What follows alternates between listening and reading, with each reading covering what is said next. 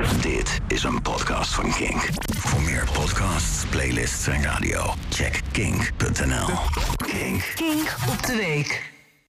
Vladimir Poetin dreigt kernwapens te gebruiken en ik weet niet goed of ik er nou bang van ben of niet. Met de staat waarin het meeste materieel van het Russisch leger verkeert, is het een wonder als zo'n raket goed en wel de lanceerinstallatie uitkomt. Laat staan dat die helemaal tot hier komt. En de vraag is sowieso of hij het echt gaat doen natuurlijk. Hè? Zijn dreigementen zijn als de beloftes van het bedrijf dat de isolatie van mijn huis doet. In de praktijk komt er niks van terecht. Maar een flinke kernoorlog die al het menselijk leven op aarde stopt, het zou wel lekker opruimen hoor. De aarde probeerde de mensen al met corona uit te schakelen, maar nee hoor, wij moesten zo nodig vaccins uitvinden.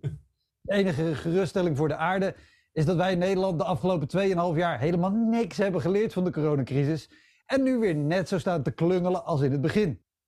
Over klungelen gesproken. Hallo Thierry van Aartsen. Thierry van Aartsen is de campagneleider van de VVD. Oh, sorry, dat spreek ik verkeerd uit. De campagneleier van de VVD. VVD'ers hebben vaak een, een, een hete aardappel in hun keel. Thierry ziet eruit als die aardappel. Met de gelukzalige blik van een baby die zojuist zijn luier heeft volgescheten. Hij is 32 jaar, maar hij ziet eruit als een man van minimale dubbele. Zowel qua leeftijd als BMI. En het is zo ironisch dat Alanis Morissette het niet had kunnen bedenken. Een rechtsconservatieve boomer die leeft in het verkeerde lichaam. Hij heeft ook een hele niet overtuigende koom-over. En de paar overgebleven haren die hij van links naar extreem rechts kampt, zie je gewoon denken: dit gelooft toch niemand, jongens.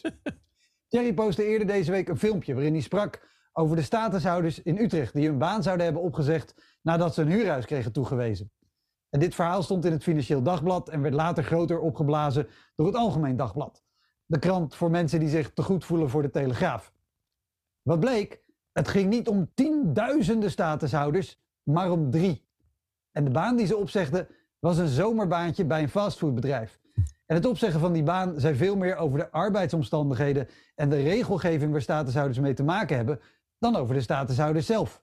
Maar ja, toen had Thierry al een filmpje de wereld in geslingerd dat neerkwam op de verbazingwekkende paradox waarbij dit soort types aan de ene kant vinden dat buitenlanders alle banen inpikken, maar ook vinden dat buitenlanders moeten werken.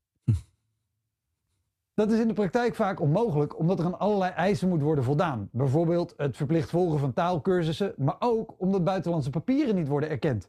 Waardoor hoogopgeleide mensen hier ver onder hun niveau werken. Precies omgekeerd eigenlijk van wat Thierry doet. En volgens Thierry leer je sneller Nederlands in de bedrijfskantine dan in een klaslokaal.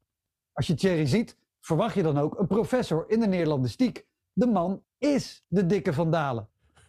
De lokale VVD in Utrecht heeft inmiddels toegegeven dat het debat was gevoerd op basis van foutieve informatie.